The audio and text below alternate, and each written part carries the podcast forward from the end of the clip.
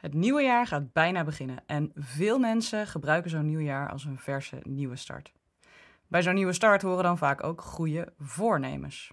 Maar hoe maak je die nou eigenlijk voor je hobby en doe je dat überhaupt wel eens? In deze podcast ga ik je van alles vertellen over goede haakvoornemens. Welke je zou kunnen hebben, hoe je ervoor kunt zorgen dat je slaagt en wat mijn eigen goede haakvoornemens zijn voor het komende jaar. Luister je mee?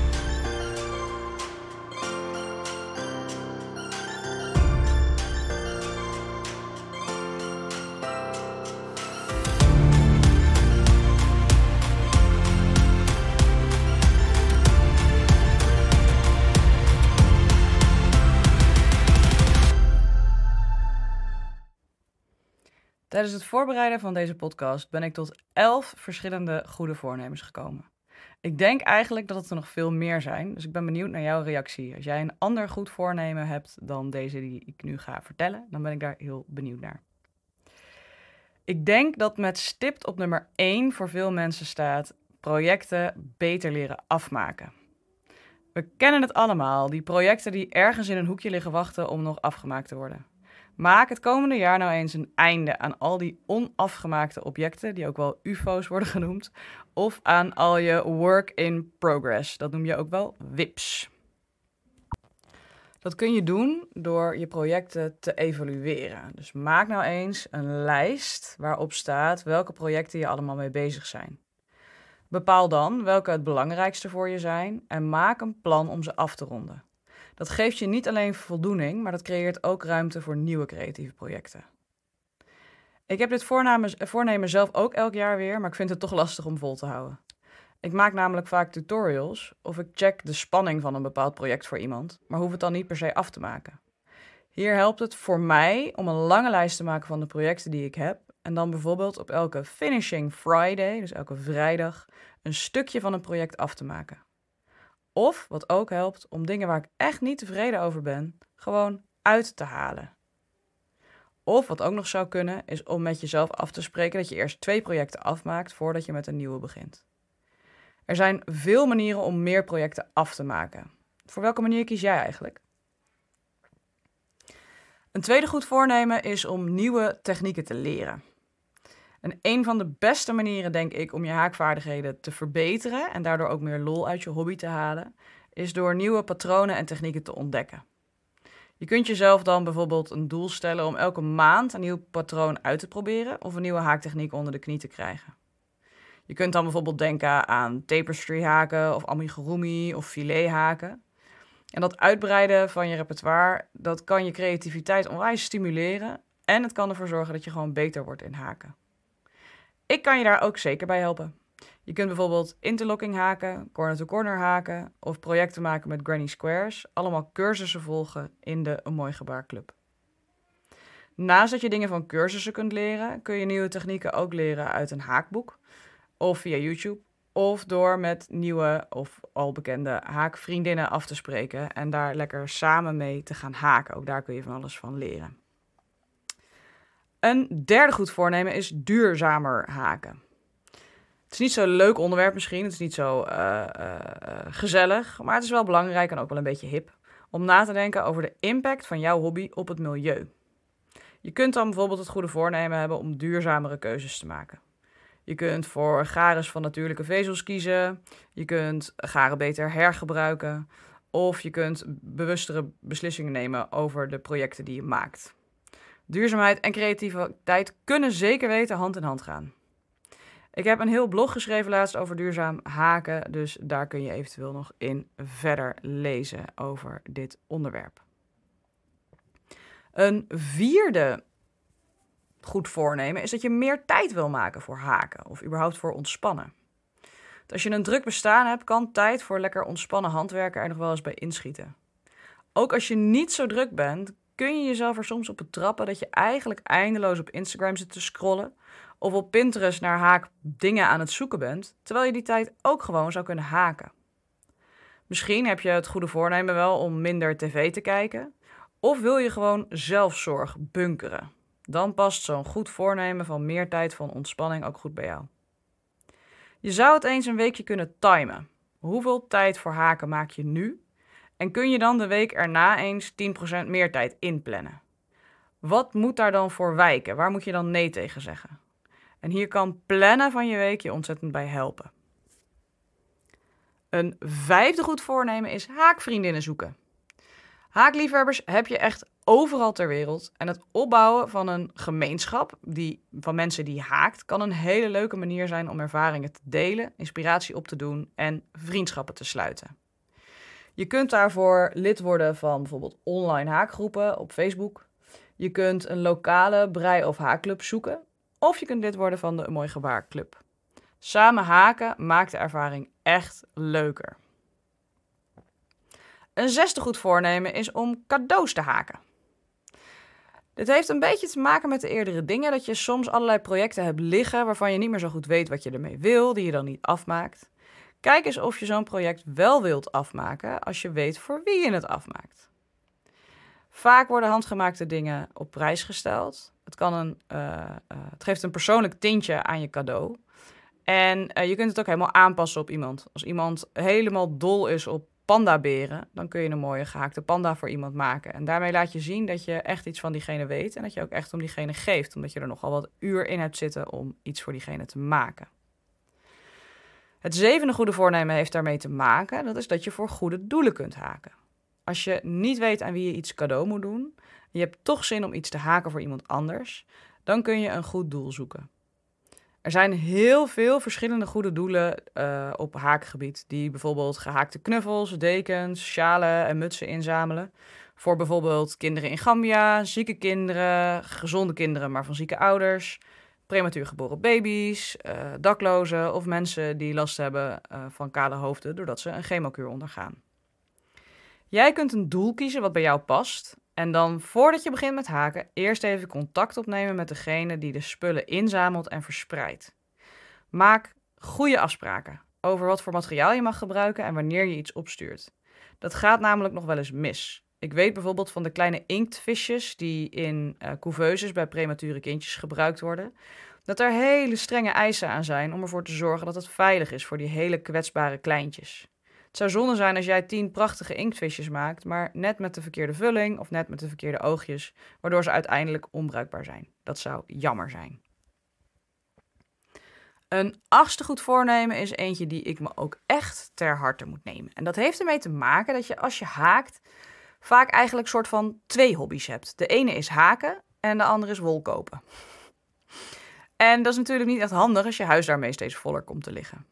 Het handwerk bovendien echt fijner als je je spulletjes makkelijk kunt terugvinden en niet, steeds alles kwijt bent. Ook is het duurzamer als je weet wat voor garen je in huis hebt en daarmee kunt werken, in plaats van dat je per ongeluk steeds nieuwe dingen koopt. Overzicht hebben in je hobbymaterialen is echt voor een heleboel dingen heel handig. Je kunt nu deze podcast even pauzeren en in je agenda voor het komende jaar een aantal momenten inplannen dat je eventjes, misschien duurt het wat langer, je handwerkspullen of je handwerkruimte of ja, waar je vaak zit te haken, dat je dat opruimt. Voor sommige mensen zal dat een 10 minuten klusje zijn. Andere mensen zijn van zichzelf al heel gestructureerd. En bij sommige mensen heb je daar een halve dag of een dag voor nodig om alle troep op te ruimen.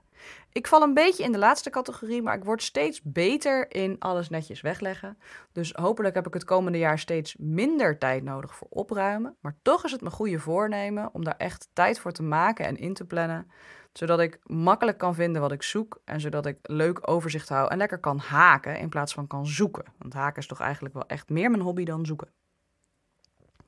Een negende goed voornemen is zelf patronen ontwerpen.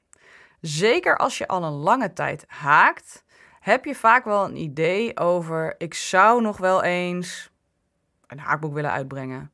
Of ik ontwerp al jaren mandala's en mensen willen ze graag maken, maar ik heb ze nog nooit opgeschreven. Je kunt een goed voornemen ervan maken dat jij het komende jaar één haakpatroon gaat uitbrengen. Daarvoor kun je bijvoorbeeld met jezelf afspreken dat je elke dinsdagochtend nadat je bij de markt bent geweest een uur aan je haakpatroon werkt. Heb je hier nou hulp bij nodig bij het schrijven van je haakpatroon? Dan kun je de Schrijf je eigen haakpatroon challenge, niet een hele originele naam, maar wel een leuke challenge, volgen in de club. Daar leer je stap voor stap hoe je een haakpatroon goed op kunt schrijven. Deze cursus is los verkrijgbaar of als onderdeel van je club jaarabonnement. Dan hebben we van de elf goede voornemens nog twee goede voornemens over. Nummer 10 is proeflapjes haken. Dit is iets waar ik vaak op hamer. Dat heeft ermee te maken dat, net als dat iedereen een ander handschrift heeft, haakt iedereen ook anders. En om erachter te komen hoe jouw manier van haken overeenkomt of verschilt met die van degene die het ontworpen heeft, moet je proeflapjes maken. Dat is niet altijd zo. Als je bijvoorbeeld alleen maar amigurumi haakt, dan kun je vaak, hoef je vaak geen proeflapje te haken en staat er vaak niet eens aangegeven wat de steekverhouding zou moeten zijn. Maar haak je kleding of haak je met samengestelde pakketten, dan kan het overslaan van een proeflapje je echt duur komen te staan. Je kunt dan bijvoorbeeld een veel te grote of een te kleine trui maken, of halverwege je project zonder garen te komen zitten. En dat is beide behoorlijk irritant. Om de kans op dat soort ongelukjes te verkleinen, maak je dus meerdere proeflapjes per project. Je doet het met de haaknaaldmaat die staat aangegeven voor het project. En dan doe je het nog een keer met een halve haaknaaldmaat kleiner en nog een keer met een halve haaknaaldmaat groter. Die drie lapjes kun je dan met elkaar vergelijken om te kijken wat je het fijnste vindt. Meer proeflapjes is vaak beter. Dus ben je er na drie proeflapjes nog niet uit en denk je, hm, het zou eigenlijk nog wel wat losser mogen, dan maak je een vierde. Het zou nog wel wat strakker mogen, maak je ook een vierde. Twijfel je nou over welk proeflapje goed voor je project zou passen, dan kan het soms helpen om ze even een paar uur te laten rusten. Als je er namelijk net aan gehaakt hebt of je zit eraan te prutsen, dan wil de verhouding nog wel eens heel anders zijn dan wanneer het een uur of twee op je tafel gelegen heeft. Een elfde goed voornemen en het laatste van deze podcast is een jaarproject volgen en volhouden. Die heeft eigenlijk te maken met heel veel van de eerdere voornemens. Je moet dan namelijk structureel tijd voor jezelf maken. Je moet beginnen met een proeflapje. Je kunt restjes ophaken of duurzaam garen gebruiken. En je kunt nieuwe haakvriendinnen vinden die ook aan het project werken. Ik denk dus dat dit elfste voornemen eigenlijk het beste voornemen is, als je het mij vraagt. Voorbeelden van jaarprojecten kunnen zijn de 365 dagen Granny Squares haken met een mooi gebaarkal van 2018. Dat is een gratis project wat op de website staat. Je haakt dan elke dag een andere Granny Square. Die worden ongeveer even groot en kun je lekker allemaal aan elkaar zetten. Er is ook een nieuw jaarproject. Daar heb ik in de vorige podcast uitgebreid bij stilgestaan. Een prachtige strependeken die in één stuk per week uitkomt. Die je heerlijk op je eigen tempo kunt haken. En waar ook videotutorials van beschreven zijn naast de uitgeschreven patronen. Exclusief voor clubabonnees. Je kunt ook een temperatuurdeken haken. Daar maak ik begin januari even een podcast over. Maar kort samengevat betekent dat dat je een lijstje maakt van de temperaturen in jouw regio. Dus bijvoorbeeld uh, min 10 tot min 5 graden, min 5 tot 0 graden, 0 tot 5 graden, et cetera. En dan geef je elke van die uh, uh, ranges geef je een andere kleur. Bijvoorbeeld blauw of wit voor als het vriest en rood voor als het heel warm is. Maar je kunt ook op een hele andere manier een temperatuurdeken bedenken. En dan kijk je elke dag in een weer-app of in een weer-website welke temperatuur die dag geweest is. En dan haak je een stukje in een stekenpatroon dat je gekozen hebt in die kleur. Nou, meer daarover dus over een week of twee in de uh, podcast. Met op de website ook allerlei voorbeelden. Want het is best een leuke manier van haken. Een beetje eenzelfde jaarproject, maar toch weer helemaal anders, is een emotiedeken. Die zie ik niet zo vaak voorbij komen, maar ik vind het idee wel heel tof. Je verzint van tevoren dan een lijst met emoties en koppelt aan elke emotie een eigen kleur. Aan het eind van de dag schrijf je dan voor jezelf op wat de overheersende emotie van die dag was. En daar haak je dan een stukje van aan je project. Dus je bepaalt bijvoorbeeld dat blauw verdrietig is en uh, paars heel opgewekt en rood heel boos. Dan schrijf je aan het eind van de dag je emotie op of je haakt meteen aan het eind van de dag die emotie die het meest overheerste op de dag. Ik vind dat zelf eigenlijk een leuker idee dan een temperatuurdeken, omdat de temperatuur me niet zo interesseert. ik vind het weer leuk. Ik vind naar buiten gaan leuk, maar ik vind naar buiten gaan ook leuk in elke temperatuur. Dus dat zou voor mij niet iets zijn om bij te houden. Dus daarom heb ik wel eens bedacht van een emotiedeken haken lijkt me eigenlijk leuker. Want hoe ik me een jaar lang gevoeld heb en in welke periodes ik me hoe voelde, vind ik eigenlijk veel belangrijker dan hoe warm het was. Dit waren 11 goede voornemens. Nog even op een rijtje. Goed voornemen 1. Projecten afmaken. 2. Nieuwe technieken leren. 3. Duurzamer haken. 4. Meer tijd maken voor haken. 5. Haakvriendinnen zoeken. 6. Cadeaus haken. 7. Voor goede doelen haken. 8. Je handwerkruimte of je handwerkmaterialen opruimen. 9. Zelf patronen ontwerpen. 10. Proeflapjes maken. En 11. Een jaarproject volgen en volhouden. Ik ben heel benieuwd welke goede voornemens op haakgebied jij volgend jaar hebt. En ik hoop dat je dat wil achterlaten in de reacties hier of op Facebook of op de website. Voor nu wens ik je een hele fijne dag en heel veel haakplezier.